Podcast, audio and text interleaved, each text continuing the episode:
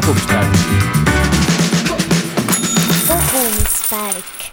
tere tulemast kuulama Eesti esimest rahatarkuse podcasti. minu nimi on Kati Voomets ja kogumispäeviku podcastis räägime põnevate saatekülalistega sellest, kuidas ronida rahatarkuse redelil ülespoole ja jagame praktilisi nippe, kuidas enda ja oma pere rahalist heaolu parandada. tänase saate teemaks on meil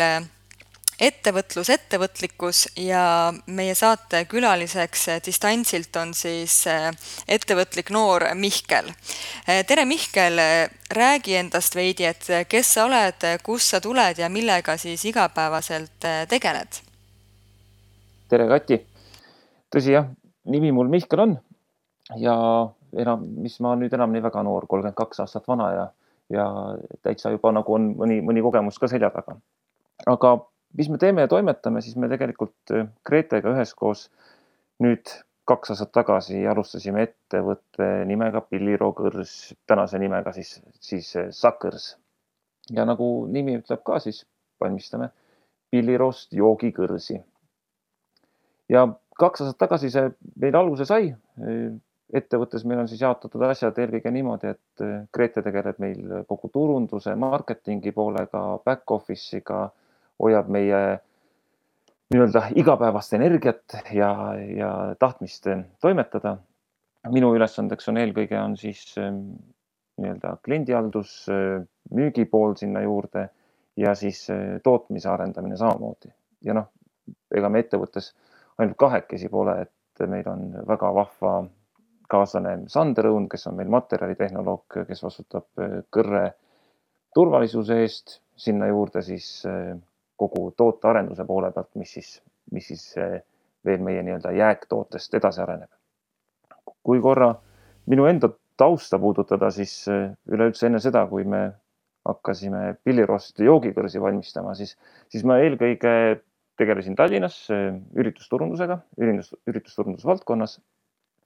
ja korraldasingi suurkliendi üritusi. Grete teistpidi oli sotsiaalmeedia haldur ja, ja tegeles kõige sotsiaal, sotsiaalmeedia poolega. Ja niisugune võib-olla pisikene taust siis meie kohta, jah. Me jõuame sellest veel saate jooksul rääkida nii sinust ja Gretest kui ka eh, teie lahedast ettevõttest, aga alustame enne saadet sellise pisikese mänguga, et igalt eh, saatekülaliselt ma olen küsinud kolm, kolm küsimust ja siis ootaks nendele selliseid väga huvitavaid vastuseid. esimene küsimus sulle on see, et milline on olnud seni meeldejäävaim õppetund ettevõtlusest? oh, väga hea küsimus. ma arvan, et ma annaksin siin selle koha peal isegi kaks vastust tegelikult, et eh, üks vastus on, on kindlasti see, et, et kõik ei ole alati see, mismoodi meile paistab, ehk eh, kõik, mis juhuslikult võib-olla meeldib meile, ei pruugi tegelikult meeldida meie kliendile, et olgu see siis visuaalid, olgu see siis toode ise. ma pean siin silmas, noh, meie puhul meie algelist suunda, et kui me hakkasime oma kõrsi valmistama, siis, siis me arvasime, et jah, et meie põhiklientuur on Horeca sektor ja, ja restoranid, baarid. aga tegelikult endale täiesti üllatuseks me liikusime ju hoopis üleüldse kingituste kategooriasse. ja teise õppetunnina mis on siis eh, minule kõige rohkem eh, pähe jäänud või meelde jäänud, oleks ikkagi see, et, et ettevõtjana on sul väga suur vastutus. ja see vastutus ei ole mitte siis, tähendab, see vastutus on, on sul nii oma toote ees kui oma tootebrändi ees, kui ka tegelikult teistpidi siis enda töötajate ja, ja nende perekondade ees. ehk et need kaks asja oleksid minu jaoks nagu kõige suuremad õppetunnid aga selle vastutuse all sa pead täpsemalt silmas siis mida, et äh, palkade maksmist, vastutust, ma ei tea, keskkonna, ühiskonna ees. et äkki saad natuke täpsustada seda, mida sa selle all mõtled? ja ma eelkõige peangi silmas jah, ühtepidi otse loomulikult on see, on see palga maksmine ja, ja töötingimused ehk et kui ettevõttel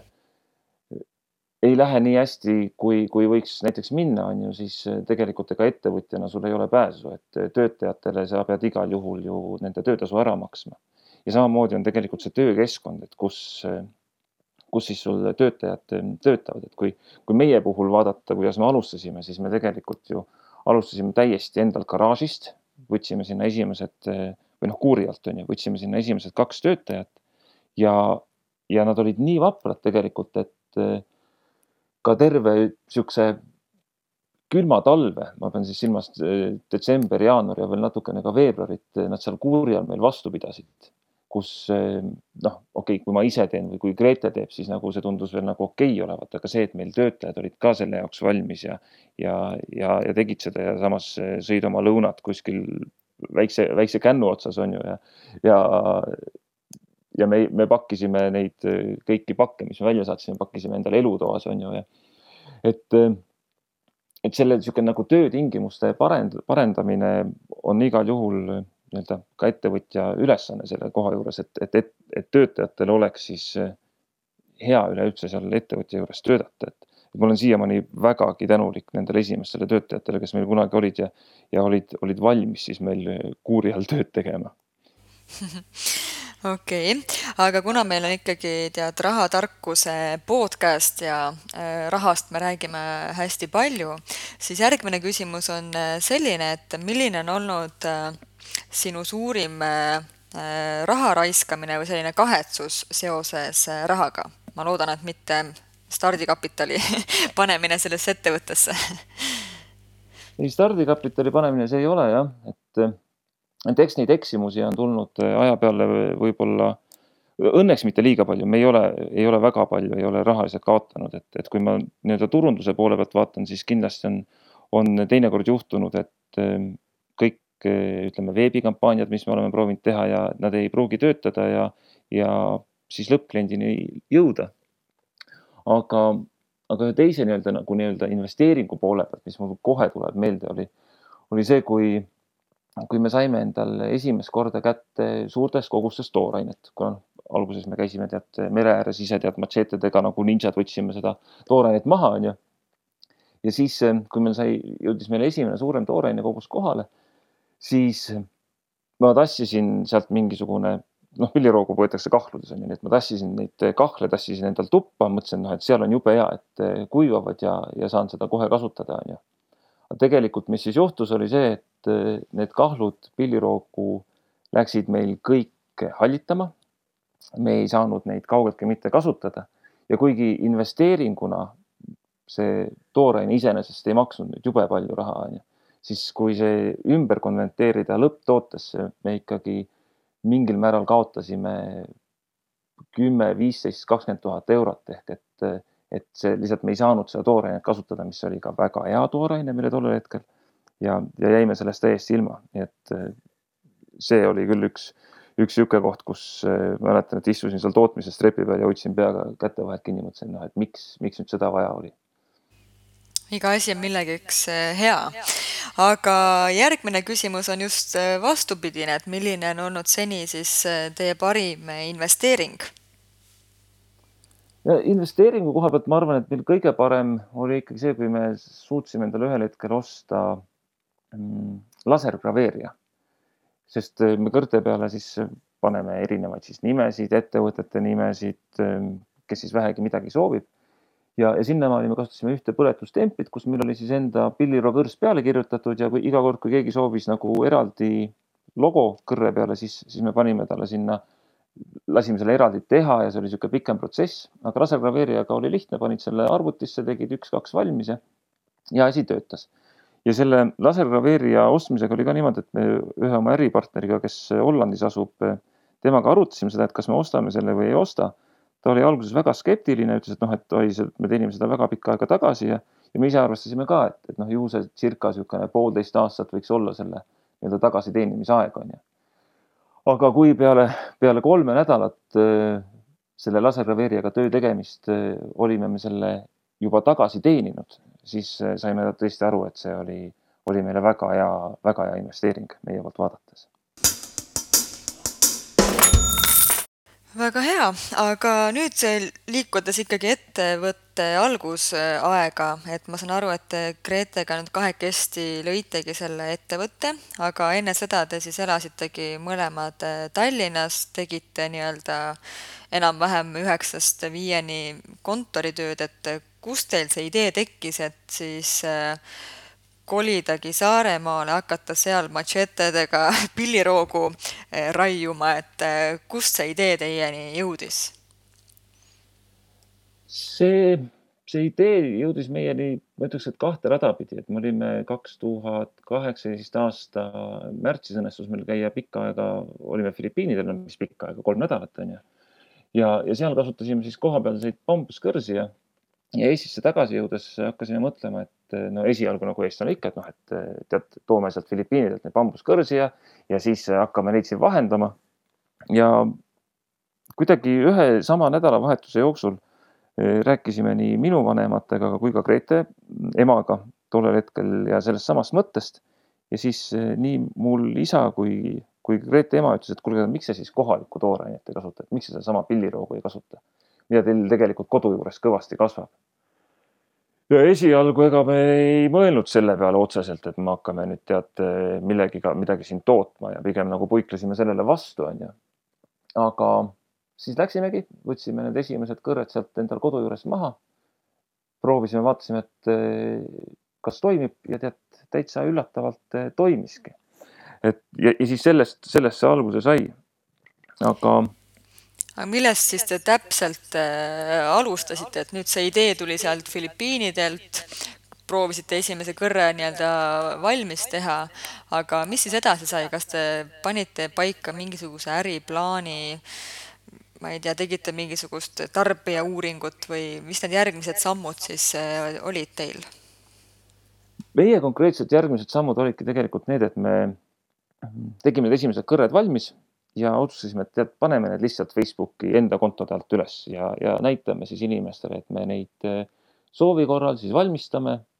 Mm, me ei teinud mitte mingit äriplaani, sest eh, siinkohal mulle meeldib selline künterpaulilik lähenemine, et eh, tee oma toode valmis ja kui sa oled esimesed müügid teinud, et seejärel tee äriplaan, et sa näed, et sul inimesed nagu päriselt tahavad seda toodet osta.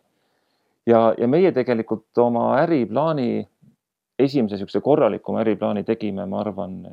neli-viis kuud peale seda, kui me olime juba vaikselt, vaikselt toimetanud. ja me tegime seda selle jaoks, et osaleda eelkõige sellel Prototroni võistlusel. et sealt, et me jah, mitte ei teinud oma äriplaani kohe alguses, vaid, vaid tõesti nagu mitu kuud peale seda, kui me olime juba, juba natu, natukene vaikselt toimetanud aga kuidas stardikapitaliga teil olid lood, et äh, kui palju ja kas see siis tootmine ikkagi seda raha nõudis? no ega esialgne stardikapital oli meil, äh, ma ei tea, kas sa nüüd naerad selle peale või ei naera, Kati, on ju, aga, aga meil oli kaheksasada eurot oli see, millega me alustasime. ja, ja mis selle kaheksasaja euro eest, mis me siis tegime? no kõigepealt me, laenasin enda isa käest ja Grete venna käest laenasime relakad, et me saaksime seda pilliroogu lõigata viiekümne seitsme euro eest ostsime ühe käia. siis eh, kahesaja viiekümne euro eest ostsime mm, põletustempli ja neljasaja euro eest lasime teha tootepildid Holger Kilumetsal. ja, ja see oli meie kogu esialgne investeering, mis me üleüldse siis eh, enda sellisesse väiksesse kuurialusesse tootmisesse sisse panime. ja tegelikult ega alguses ei, ei läinudki meil rohkem mitte midagi vaja siis otse loomulikult hakkasid selles mõttes kulutused kasvama, et sul oli vaja, et meil oli vaja natukene mm, paremaid tööriistu, millega teha ja nii edasi ja nii edasi, aga, aga tõesti, et me siiamaani meenutame seda, et, et me alustasime ju ainult kaheksasaja euroga. ma arvan, et see on just väga inspireeriv, et paljud, kes seda ettevõtte loomist peas mõtlevad, siis tihti tagerdudaksegi selle taha, et pole raha ja pole raha ja pole stardikapitali, aga tegelikult võib-olla ju tõepoolest, et alu, alguses sul ei olegi Eh, suuri summasid vaja, et eh, katsetada ja proovida. aga sa mainisid seda Prototroni konkurssi, et ma saan aru, et te oletegi oma toodetega siis käinud erinevatel konkurssidel, et eh, kui palju see on teid siis nagu aidanud või mis, mis see teie jaoks nagu kasu sel, nendel konkurssidel on olnud? No see on aidanud meid iga, tegelikult ikkagi väga palju, et eh, Prototron on tõesti, oli meie jaoks esimene selline startup ilik konkurss, kus me siis osa võtsime.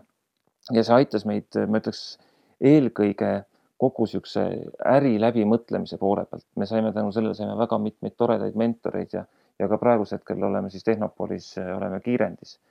Ehm, neid võistlusi siin startup'ide maailmas eh, toimub väga palju ja ja me oleme, meil on õnnestunud osa võtta tõesti päris mitmest, kuigi eks see nii-öelda võistlustelt, võistlustel osavõtt on ka niisugune asi, mis üks hetk oli niisugune tunne, et, et me rohkem nagu võistlemegi, kui tegeleme siis oma tead tootmise ja, ja, ja toimetamisega. aga, aga need on andnud jah, väga palju juurde, silmaringi, kontakte ja nii edasi, nii edasi ja üks äh, meie jaoks tegelikult kõige esimene konkurss oli Eesti disainiauhinnad, mis siis kaks tuhat kaheksateist aasta septembris toimusid, kus meil äh, endale väga suureks üllatuseks õnnestus siis äh, võita Eesti elumuutva tootedisaini auhind oma kõrtega ja, ja ka veel rahva lemmiku tiitel sinna juurde, et, et see oli tegelikult paljuski nagu selline tõuge, mis meid pani pani edasi toimetama, et, et saime aru, et jah, et noh, tõesti sellel kõrrel võiks olla nagu ka pikemaajalist turgu, kui, kui ja, ja suuremat turgu, kui natukene lihtsalt Facebook, läbi Facebooki marketplace'i müüa. kui palju teil praegu on ettevõttes töötajaid ja kuidas see ettevõte ongi siis, sa mainisid, et kaks aastat tagasi on nüüd loodud, et selle ajaga, mis on olnud sellised suuremad võib-olla verstapostid, et nüüd oli kolm töötajat, siis oli see mingi uus tootmishoone või mingi tootmisaparaat, et mis on sellised äh, suuremad verstapostid olnud siis ettevõtte arengus äh, selle kahe aasta jooksul? jah, üks, üks toredamaid arenguid, mis kindlasti minu ja, ja Grete jaoks üks olulisemaid oli see, kui me kaks tuhat üheksateist aasta esimesest veebruarist saime siis kolitud oma, mitte päris oma, vaid rendipinnale tootmisruumidesse ehk et me saime, saime kodust, äh, saime ära ja saime oma selle nii-öelda kodutootmise lõpetatud, et, et tekkis nagu ikkagi päris tootmine. ja, ja möödunud suve me ikkagi ajasime läbi eelkõige nelja töötajaga. möödunud sügisel oli meil, oli meil veel samamoodi neli tükki ja aasta lõpus olime siis teadlikud, et, et kuna me tegelesime oma täisautomaatse tootmisliini arenguga ehk et siis tegime aasta alguses juba oma töötajatega kokkuleppe, et et nendel on tööd kuni selle aasta aprillikuuni. ja siis me proovime saada tööle oma täisautomaatse tootmisliini ja, ja siis, kui see juba toimib ja töötab, et siis meil oleme üks hetk võima, võimalik, võimelised nii-öelda omal töötajad tagasi võtma. küll aga see mm, käesolev kriis pani meile selles mõttes eh, päris suured põntsud. et eh, me ei ole siiamaani saanud oma töötajaid tagasi võtta, kuigi noh, meil seda ka see plaani järgi peaks see juhtuma juuni või juulikuus. aga eh, noh, vaatame, et kuidas, kuidas see siis läheb. ja, ja me tegelikult olime sunnitud praegusel hetkel ka oma tootmisliini arengule väikse piduri peale tõmbama. samas on mul teistpidi hea meel öelda, et, et ikkagi meil ettevõte elab ja toimib ja töötab. lihtsalt see areng, kui kiiresti me oleksime tahtnud edasi minna, et see on saanud selle käesoleva kriisiga ikkagi päris korraliku põntsu. aga ma saangi aru, et see kriis on siis mõjutanud noh, ettevõtte arenguplaane, aga seetõttu, et siis ikkagi turg on nii-öelda ära kukkunud jah, tagant, et inimesed ikkagi nii palju praegu ei osta enam. või mis ja. tegurid seal veel on? jah, selles mõttes, et ikkagi, kui kõik eh, restoranid, baarid kinni pandi, siis ei olnudki võimalik eh, neile mm. üleüldse pakkuda oma tooteid ja, ja kuna meie tooted olid ikkagi väga ilusti esindatud igasugustes mm, käsitööpoodides, disainipoodides, ka Tallinna vanalinnas ja üleüldse käivates kohtades, kus siis turist väga hästi kohale jõudis, siis kogu selle kriisi algusega kadus, kadus ka see pool ära. nii et, mhm, et suur osa ja, oli ikkagi ilmselt. väga suur osa jah, et, et see korra meid ikkagi ehmatas ja, ja eh-, ehmatas päris kõvasti, et olime ikkagi seisus, et noh, et, et mismoodi ja kas ja kuidas üleüldse edasi mm. -hmm. aga, aga mul on hea meel, et me endas või endis selle jõu oleme leidnud ja, ja selle tahtmise, et ikkagi eh, korralikult selle asjaga jätkata aga mis, mida te olete pidanud siis tänu sellele teistmoodi tegema või mõtlema teistmoodi, et et väga paljud ettevõtted praegu ju üritavad selle uue olukorraga kohaneda, leida uusi viise, kuidas inimesteni oma tooteid, teenuseid viia, et äh, kas te olete ka selle kriisi jooksul siis midagi ümber korraldanud, midagi ümber mõelnud? ja me oleme liikunud aina rohkem siis oma toodete müügiga ikkagi puhtalt oma eh, kodulehekülje kaudu. Ja, ja, ja siis veebi. Ehk et eh, see on ka ainukene koht tegelikult praegusel hetkel, kus meil niisugust stabiilset, eh, suhteliselt stabiilset müüki tuleb, mis siis suudab vähemalt meil ettevõttel hoida, hoida jalad all, et küll jah, tõsi, et võib-olla iseendale nagu pole võimalik palka olnud maksta, onju, aga, aga kuidagi me oleme hakkama saanud. ja see kriis mis see kriis meiega veel tegi, meil tänu sellele, et, et see kriis tuli, siis pidimegi üks hetk vaatama, et mis me siis üldse teeme ja, ja ma enne sulle korra mainisin, kui, kui me veel ei lindistanud seda, seda podcast'i, siis, siis eh, siin kriisi ajal circa kuu aega me veetsime täiesti metsas, sõna otseses mõttes metsas ja, ja istutasime puid ehm, mis teistpidi meil ettevõttel aitas seda, siis seda, et me saame olla mõni aeg süsinikneutraalsed, onju. aga jah, et, et me oleme pidanud ikkagi äh, praktiliselt ütleme päevast päeva vaatamagi seda, et mismoodi endal või enda ettevõttel siis ikkagi hing sees hoida. Sest me ei ole siiamaani ju teinud niisuguseid suuri raha kaasamisi ja, ja, ja eh, kuidas siis öelda, raha põletamist meil ettevõttes ei ei ole, ei ole olnud, nii et oleme, oleme ikkagi enam-vähem oma jõududega proovinud hakkama saada, onju. Teie need pilliroost kõrred on väga keskkonnasõbralikud, et plastikkõrte asemel pilliroogu kasutada on kindlasti väga, väga mõistlik, aga kui palju te ise enne pillirookõrte kasutamist ja üldse ka siis tootmist keskkonna peale mõtlesite, et olite te selli-, alati noh, sellised keskkonnasõbralikud või, või kuidagi tuli see teie ellu siis noh, natuke nii-öelda ootamatult? Tead, see ikkagi tuli. Eh, minu elus on see olnud ikkagi, ma arvan, viimased viis aastat, et alates siis olgu see siis prügi sorteerimine ja, ja vaadates siis seda tarbimise poolt on ju, et, et, et kas mul kõike seda, mida poes pakutakse, läheb, läheb tarvis või, või õnnestub mul näiteks eh, riideid osta üleüldse nagu second hand poest on ju ja ma ei ole olnud kunagi väga suur niisugune eh, uute asjade ostja või, või ka ihaleja tegelikult onju. Ja, ja ma arvan, et eh,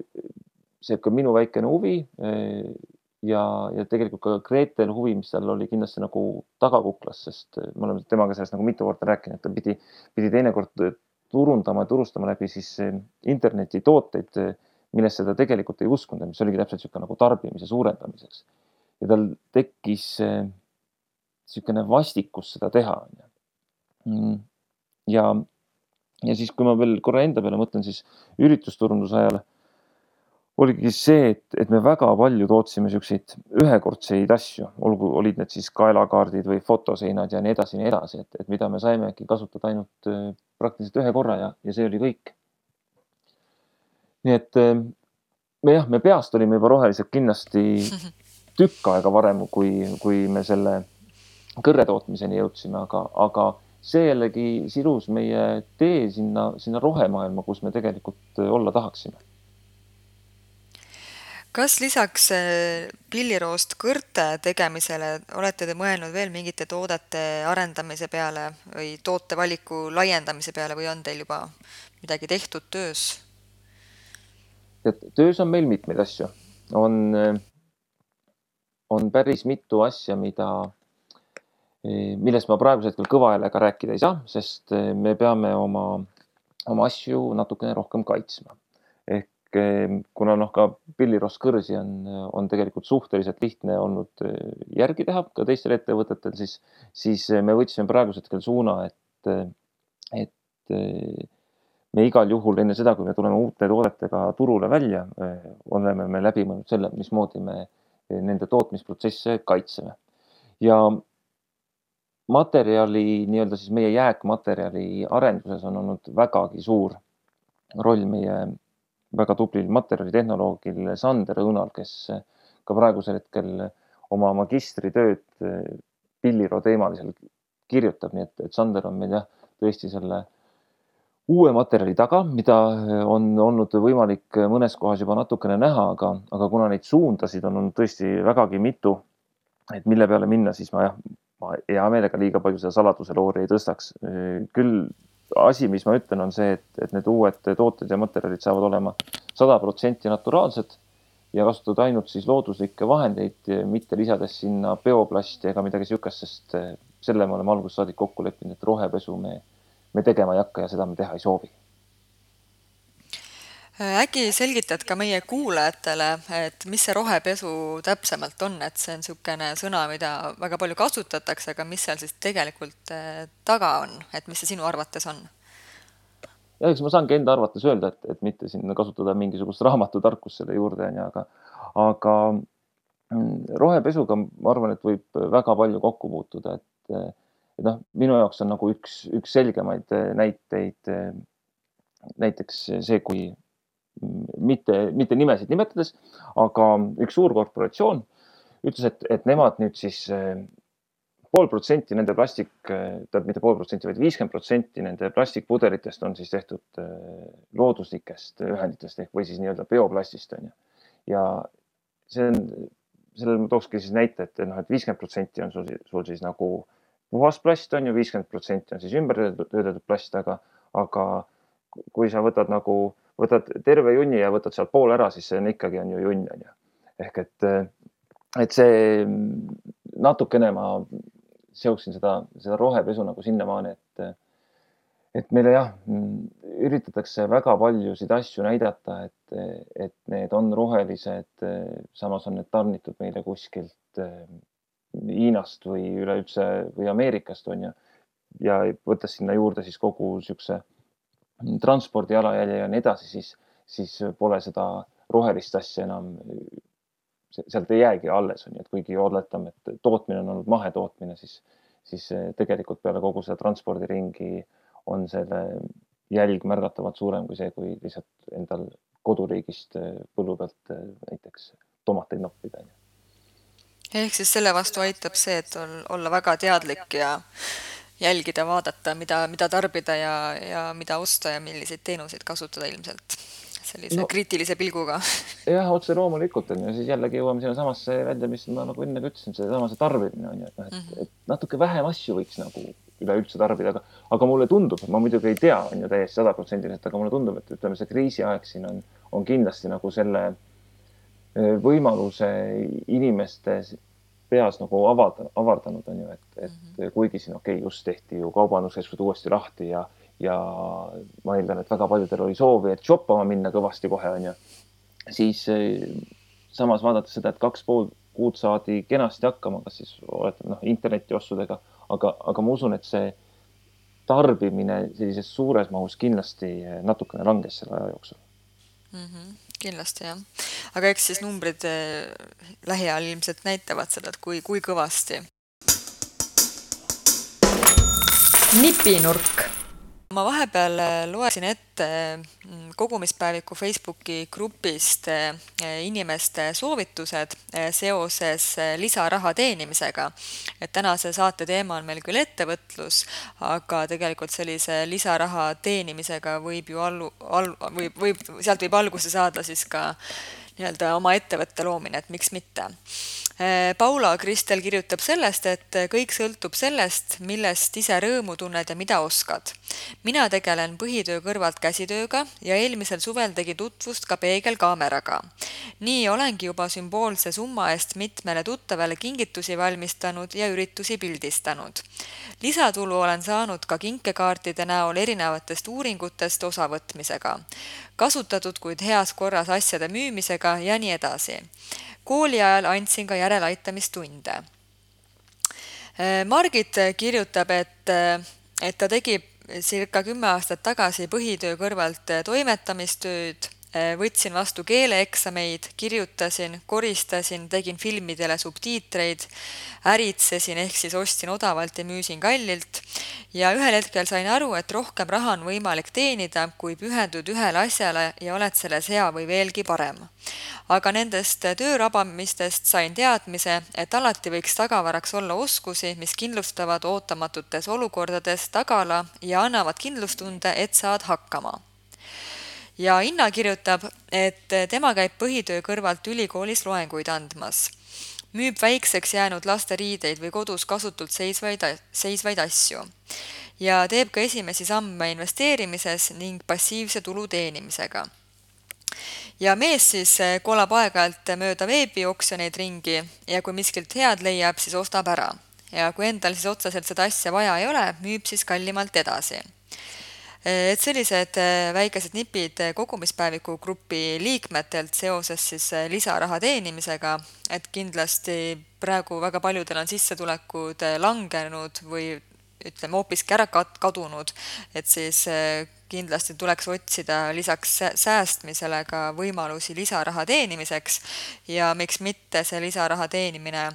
võib siis avada nii-öelda uued uksed ja uued huvid ja miks mitte ka siis sealt pealt oma ettevõtte Äh, loomisel, loomiseni. Äh, Mihkel, et äh, tulles tagasi nüüd pillirookõrre ehk siis sakkkõrre juurde, et millised on olnud sellised suurimad takistused ütleme, ettevõttega alustamisel või üldse toimetamisel? no mis need takistused seal ikka, ikka tegema peab, see on nagu põhiline takistus ja ma arvan, et kõige suurem takistus on inimene ise selle juures ja, ja ma tean, et ka mina olen olnud meil ettevõttele kindlasti vahepeal takistuseks selles mõttes, et, et kui ikkagi ei tee ja ei toimeta, ega siis asjad edasi ei liigu ka iseenesest onju. ehk siis selline pealehakkamine ja? ja muidugi pealehakkamine, julge pealehakkamine, et mitte keegi teine meie eest asju ära ei tee, see on nagu täiesti sada protsenti kindel onju et võid ju loota, et, et ise hakkab midagi juhtuma, aga ega ikka ei hakka küll, kui täitsa aus olla. kui palju nüüd see on ikkagi aidanud teid, et te olete koos elukaaslasega selle ettevõtte püsti pannud? et kas on kuidagi olnud seeläbi kindlam tunne, et saab kellegiga neid asju arutada või vastupidi, on sealt ikkagi tekkinud ka mingisuguseid sõnelusi, tülisid? Ma otseselt nagu tülideks ei nimetaks neid asju, et, et niisugune väga emotsionaalne arutelu kindlasti. ja, ja teistpidi, kui, kui nagu koos kodus seda kogu aeg teha, siis, siis vahepeal tekib tunne, et, et nagu mitte midagi muud ei olegi olulist, et ongi ainult nagu noh, see ettevõtte arendamine ja, ja selle ettevõttega tegelemine, et siis võib lihtsalt meelest ära minna see, et kui oluline tegelikult on, on see oma suhe sealjuures on ju et, et see, seda peaks nagu kindlasti meeles pidama, et mis iganes sa teed, siis see on kõigest töö, aga, aga oma suhet peab ikkagi selle juures hoidma, on ju, et. aga kuidas te no, no, et kuidas te olete suutnud hoida siis seda nii-öelda töö-eraelu tasakaalu, et kas te olete kokku leppinud, et õhtul mingist kellast alates ei räägi enam tööst või on mingid muud piirid teil seatud või kuidagi lihtsalt sujuvalt jooksvalt äh, teate, pigem sihuke pigem niisugune sujuvalt jooksvalt, et, et me ei ole nagu selles mõttes nagu mingeid kellaajalisi piiri panna, pannud, absoluutselt mitte, et kui me siin podcast'i alguses rääkisime sellest, et jah, et noh, et me oleme nüüd loobunud eh, kaheksast viieni tööst on ju ja, ja tegelikult eh, ütleks siia nagu ääremärkusena, et, et pigem on nüüd liikunud nagu kakskümmend neli seitse töö juurde on ju. ehk et eh, mm, selle oma ettevõtte tegemine ongi ju see, et sa pead sellega kogu aeg tegelema ja, ja sa ei saa endale vabat hetke selles mõttes äh, okei okay,, sa saad endale vaba hetke võtta, aga kui on ikkagi asjad, mis on vaja ära teha, siis eh, nagu ma ütlesin, noh, mitte keegi teine su eest neid asju ära ei tee, et ütleme, suuremas firmas on nagu võib-olla veel lootust, et keegi teine tead, aitab sul midagi ära teha, on ju, siis, siis väikses on ikkagi see, et, et sa pead ise tegema. kodus me siis eh, jah, jagame neid maid, on ju, et kes mida parasjagu tegema peab, et eh, aga ta on ikkagi niisugune üheskoos tegemine, et selles mõttes on, on jube, jube hea on kellegagi asju koos teha, et üksinda oh, üksinda on üleüldse kõike väga raske teha, onju, et, eh, et jah, mitmekesi koos on või tiimiga koos on, on alati, alati lihtsam ja, ja lõbusam. kui nüüd rääkida veel nendest plussidest ja miinus, miinustest, et, et kui sa nüüd võrdled seda ettevõtlust palgatööga, et millised on sinu jaoks sellised suurimad plussid ja ka mõned võib-olla miinused, et noh, mõni asi siin tuli ka välja, et kui ei ole ka enam üheksast viieni, vaid on kakskümmend neli seitse tööpäev nii-öelda, et aga mis sa nii-öelda võib-olla positiivsete asjadena kõigepealt välja tooksid jälle? no esimese asjana ma ütleksin kindlasti vabadus ehk, ehk kogu see otsustusvabadus ja ka tegelikult ise, iseenda vabadus on ju sinna juurde, et, et kuigi jah, see on kakskümmend neli seitse, siis tegelikult ma võin võtta endale täiesti eh, suvalise teisipäeva ja, ja, ja minna ja ma ei tea, näiteks metsas diskgolfi mängida terve päeva on ju, kui, ma seda peaksin taht, tahtma teha. või siis mm, ongi jällegi keset päeva tead joogat teha või, või, või tennist mängida, noh näiteks on ju selline, selline vabadus sinna juurde. Ja, ja teise asjana see, siis ütleks selle, et, et see oma brändiga tegelemine, kui niimoodi, et, et sul, et meil ongi jällegi nagu see õigus ja vabadus, et me saame teha brändiga neid otsuseid nagu, nagu meie tahame, et mitte keegi teine ei, ei ütle meile ette, et, et noh, et mis sa nüüd parasjagu tegema pead, vaid, vaid see, kus me siis parasjagu otsustame olla ja mida me parasjagu otsustame teha, et see on puhtalt meie, meie endi teha, on ju. Et praegu ütleme, kui kaks aastat olete sellega siis tegelenud, siis sellist kahetsusmomenti veel ei ole tekkinud.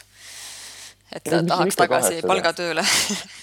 ei no mõnikord on kindlasti oleks lihtsam palgatööl olla, et kui ütleme palgatööl olles, siis äh, tihtipeale väga ootasid seda palgapäeva on ju, siis tööandjana nagu sa pigem nagu väga ei oota seda palgapäeva. Peab raha ära andma. et peab raha ära andma on ju, et, et see on nagu küll võib-olla niisugune, niisugune erinevus seal sees, aga, aga jah, noh, kui nagu kõik ainult, ainult nii-öelda rahasse ümber konverteerida, et siis, siis muidugi oleks mingil määral lihtsam olla olla palgatööl, aga, aga ega me ei otsigi ju ainult seda lihtsust taga mm. -hmm. selline väljakutse siis ka enda jaoks? muidugi, väljakutse ja see, et nagu ise ka päriselt midagi ära teha, et, et muidu teed kellelegi teisele, aga siis saab ikkagi ju noh, ise teha, et ma arvan, et kunagi on päris kihvt meenutada, et, et noh, näed, et tegime seda, selle pilliroo kõrre siin ja mm -hmm. et kindlasti meie podcasti kuulavad väga paljud äh, inimesed, kes samamoodi kuskil kuklas äh, on see mõte nii-öelda istumas, et tahaks teha enda ettevõtet. Ja võib-olla isegi mingisugused ideed on olemas, et mida sina siis soovitad sellistele inimestele, kes siis kuskil unistustes on see mõte olemas, aga ei ole siis seda veel teoks tehtud, et sellised mõned head võib-olla näpunäited või soovitused sinu poolt millest siis pihta hakata? no esimene asi on täpselt see, mis sa ütlesid, tuleb pihta hakata. ja, ja, ja tulebki pihta hakata, noh, nii lihtne, kui see ka või nii keeruline, kui see ka ei tundu, on ju, et, et, et ega noh, ma toon niisuguse võrdlus, võistlus, võrdluse on ju, et ega diivani peal eh, pikutades sul ju noh, kõhulihased iseenesest ei teki, on ju. samamoodi eh, lihtsalt eh, kontori või noh, laua taga istudes, arvuti taga istudes sul ei juhtu mitte midagi, et noh, et tegelikult tuleb ka teha ja, ja nagu ma enne ütlesin, siis noh, et üksi võib-olla on väga raske asju teha, on ju, ja, ja väga hea oleks, kui sa suudaksid leida endale kõrvale kas siis ähm, sõbra või tuttava, kellel võiks olla sarnane huvi, temale siis näiteks oma ideest rääkida, mis on ja, ja ehk hakkab sealt siis midagi välja kooruma ja kasvama. ja selle koha peal võivad kindlasti tulla tegelikult abiks need ma toon sellesama, selle Prototroni võistluse näiteks on ju, või, või Climate Launchpadi, mis on teine selline eh, rohetehnoloogiate kiirendi võistlus, et, et eh, otsidagi niisuguseid eh, võistlusi, sest ühtepidi on see, et kui mul on idee olemas, siis on alati hea rääkida inimestega, kes on olnud kas siis näiteks ärimaailmas pikemalt või, või erinevates kogukondades pikemalt, kes siis teavad ja oskavad sulle nõu anda, et kuidas siis oma, oma äriideega edasi minna. Ja, ja kui see nii-öelda see äriidee on siis nii-öelda enda jaoks kirja pandud, ma ei räägi veel äriplaanist, vaid lihtsalt äriideest on ju. sa oled leidnud endale kõrvale toredad inimesed, kellega koos seda teha, siis, siis sa juba pihta hakkadki. et aga jah, et kõige esimese asjana tuleb ikkagi, tuleks ikkagi pihta hakata. kuskilt midagi teha kuskilt midagigi teha, jah mina mäletan, mina kunagi alustasin ikkagi sellest, et panin ja mõtlesin läbi selle noh, enam-vähem mingil kujul selle äri, äriplaani ja noh, muidugi ka idee, et ma mäletan, ma käisin, oli vist EAS-i koolitus ja seal oli koos umbes kakskümmend ettevõtlikku inimest, kellel kõigil olid siis oma, omad ideed taskus ja tegelikult pärast teist koolituspäeva umbes pooled ikkagi said aru, et see idee, mis neil on aastaid seal eh, olnud, et siis see tegelikult eh, noh, numbriliselt ja igatpidi ikkagi ei, ei toimi. Et ka see on tegelikult võib-olla hea harjutus, et kas või läbi mõelda korraks ja noh, istudagi maha ja panna kirja enda idee ja ma ei tea, potentsiaalsed eh, kliendid ja, ja nii edasi, et et kas ka see läbimõtlemine, ma arvan, et annab juurde väga palju või vähemalt saab sellist, sellest kihust nii-öelda korraks võib-olla lahti või noh, saabki midagi juba reaalselt nagu teha. et selline soovitus ka veel siia, siia lõppu. ja otse loomulikult, sest, sest tegelikult ongi see, et kui sa juba endale sinna äriplaani nagu ka need numbrid ja asjad kirja paned, on ju, siis ja noh, ikkagi alguses loodad, et oh, et ma hakkan jube paljudele näiteks eh, midagi müüma, siis eh, noh, tegelikult peaks ju läbi mõtlema ka see, et kuidas ma müün neile mm. ja kuidas ma selle tootega, mis on täiesti tundmatu toode, siis eh, kokkuvõttes klientideni jõuan. Jah, kõik see läbimõtlemine annab sellele nii-öelda reaalsema mõõtme kohe sellele ideele. ja tegelikult mulle meenub, et meie Swedbanki blogis Kukkur on olemas selline asi nagu äriplaani tööriist, et see ongi nii-öelda eeltäidetud äh, formaat, et sinna tuleb siis panna sisse enda idee ja nii-öelda potentsiaalsed äh, kliendid ja, ja nii edasi, et see aitab kõik siis nii-öelda need etapid ilusti läbi mõelda ja lõpuks saab siis endale sellise PDF kujul selle ilusti endale arvutisse laadida ja ja põhimõtteliselt annab noh, sellise struktuuri ette, et millele kõigele siis peaks enne ettevõtte loomist siis äh, ideaalis mõtlema aga Mihkel, kas sa soovid veel siia lõpetuseks äh, midagi kogumispäeviku podcasti kuulajatele soovida, et sa kindlasti oma jutuga juba, ma loodan, et väga paljusid inspireerisid, aga on sul veel selliseid mingeid soovitusi, nõuandeid? no ühe mõttena ma siia niisugusesse keerulisse aega ütleks küll seda, et, et proovime seda niisugust positiivset meelt hoida ja, ja, ja rõõmsat tuju kõige tegemisel, mis me siis teeme, et eh, naeratus, eh, naeratus ringi, naeratus suul või näol ringi käies on, on palju toredam kui, kui mossis näoga ringi käia ja, ja kui seda väga head ideed veel ei ole, millega pihta hakata, siis, siis küll ta tuleb. ja, ja kust ta tuleb, on, on natukene ringi vaadates, raamatuid lugedes kindlasti. ja, ja kui see hea idee siis tuleb, siis esmaselt mine räägi sellest oma vanaemale ja kui tema sellest aru saab, siis, siis võib sellega täiesti vabalt edasi minna. see on päris hea soovitus, et vanaema saab aru paljude asjade puhul on see vanaema päris hea nii-öelda test ja, ja vanaemade, vanaemade kogemused, need on hoopis teised, nii et, et, et nendega tasub rääkida mm. -hmm. Mihkel, et ma teen tänasest vestlusest väikese sellise kokkuvõtte ka, et mina sain selliseid päris äh, mitmeid märkmeid siia endale üles kirjutatud. et äh, nii-öelda õppetundidest, äh, mida te välja tõite, oli see, et et kliente tuleb kuulata, et see, mis siis meeldib nii-öelda ettevõtte loojatele ei pruugi tegelikult meeldida klientidele, et alati siis testida oma teenust, toodet ikkagi ka klientide peal ja kuulata nende tagasisidet, et mitte võib-olla olla nii-öelda täiesti kinni enda esialgses mõttes siis te tõite ka välja, et see ettevõtjana ikkagi on suur äh, vastutus ja sellega tuleks siis äh, arvestada, et igaüks, kes siis tahab äh, ettevõtjana tegutseda, et ta peaks ikkagi ka laiemalt seda vastutuse aspekti siis mõtlema ja sellega arvestama siis eh, huvitav oli see, et, eh, et sellist konkreetset äriplaani teil alguses ei olnud, vaid te siis lähtusitegi sellest, et tegite toote valmis ja tegite ära ka esimesed müügid, et näha, et kuidas siis reaalselt see toode inimestele meeldib. Ja alles siis eh, paari kuu pärast panite paika siis detailsema äriplaani.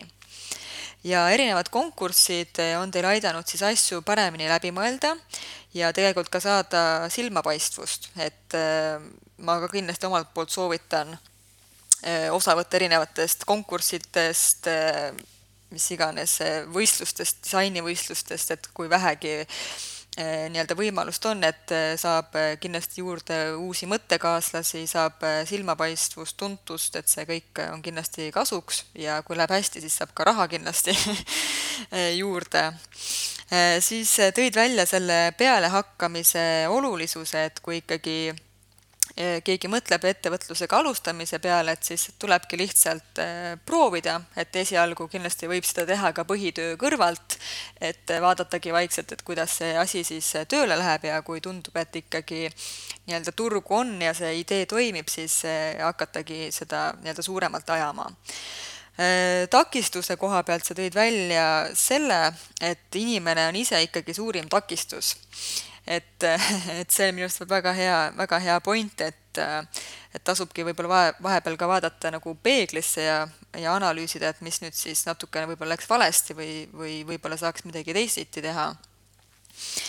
ja siis plussidena sa tõid kindlasti välja ka selle, et see ettevõtlusega tegelemine annab sellise vabaduse, et vabaduse teha neid asju sellel ajal, millal sina seda teha tahad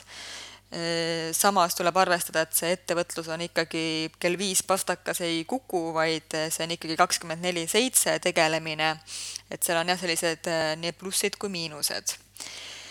ja viimase soovitusena sa tõid ka välja selle, et tuleks leida kõrvale keegi siis sarnase huviga sõber, tuttav või, või, või miks mitte ka elukaaslane teie enda ettevõtte näitel. et äh, on lihtsam, kui saab asju läbi arutada, läbi mõelda ja see üksi pusimine, tean iseenda kogemusest ka, on ikkagi väga-väga keeruline, et alati on parem, kui keegi on kõrval. Ja kui kedagi sellist kohe leida pole, siis jällegi need, ma arvan, konkursid ja sellised äh, kiirendid ja kõik sellised kohad kindlasti annavad neid mõttekaaslasi juurde ja ka mentoreid, et tuleks avatult oma ideedest äh, rääkida. nii, Mihkel, suutsin enam-vähem kokku võtta sinu, sinu jutu kõik tundub nii, jah. Äh, aga väga tore, mina, Mihkel, tänan sind äh, täna oma mõtteid äh, jagamast ja ma soovin siis teie ettevõttele väga palju edu. ja lõpetuseks teeme selle ühe asja selgeks, et kas see on siis pillirookõrs või on ikkagi sakkkõrs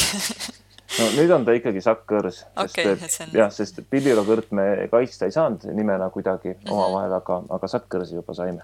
okei okay., aga see on ka väga selline catchy, catchy nimi ei oskagi eesti keeles seda paremini öelda. Äh, aga super, mina tänan ja kõik, kes meie podcasti kuulasid, ma loodan, et te saite siit äh, häid nõuandeid ja nippe, et kuidas siis enda äh, ideedega algust teha ja inspiratsiooni siis üldse alustamiseks. ja kui teile meie episood meeldis, siis pange viis tärni, subscribe ige, jagage seda, et see jõuaks siis võimalikult paljude inimesteni. meie kohtume teiega juba järgmises podcasti episoodis või siis vahepeal ka kogumispäeviku Facebooki grupis, et seniks püsige terved ja säilitage positiivset meelt. tšau! kogumispäevik. kogumispäevik. Kogumispäevik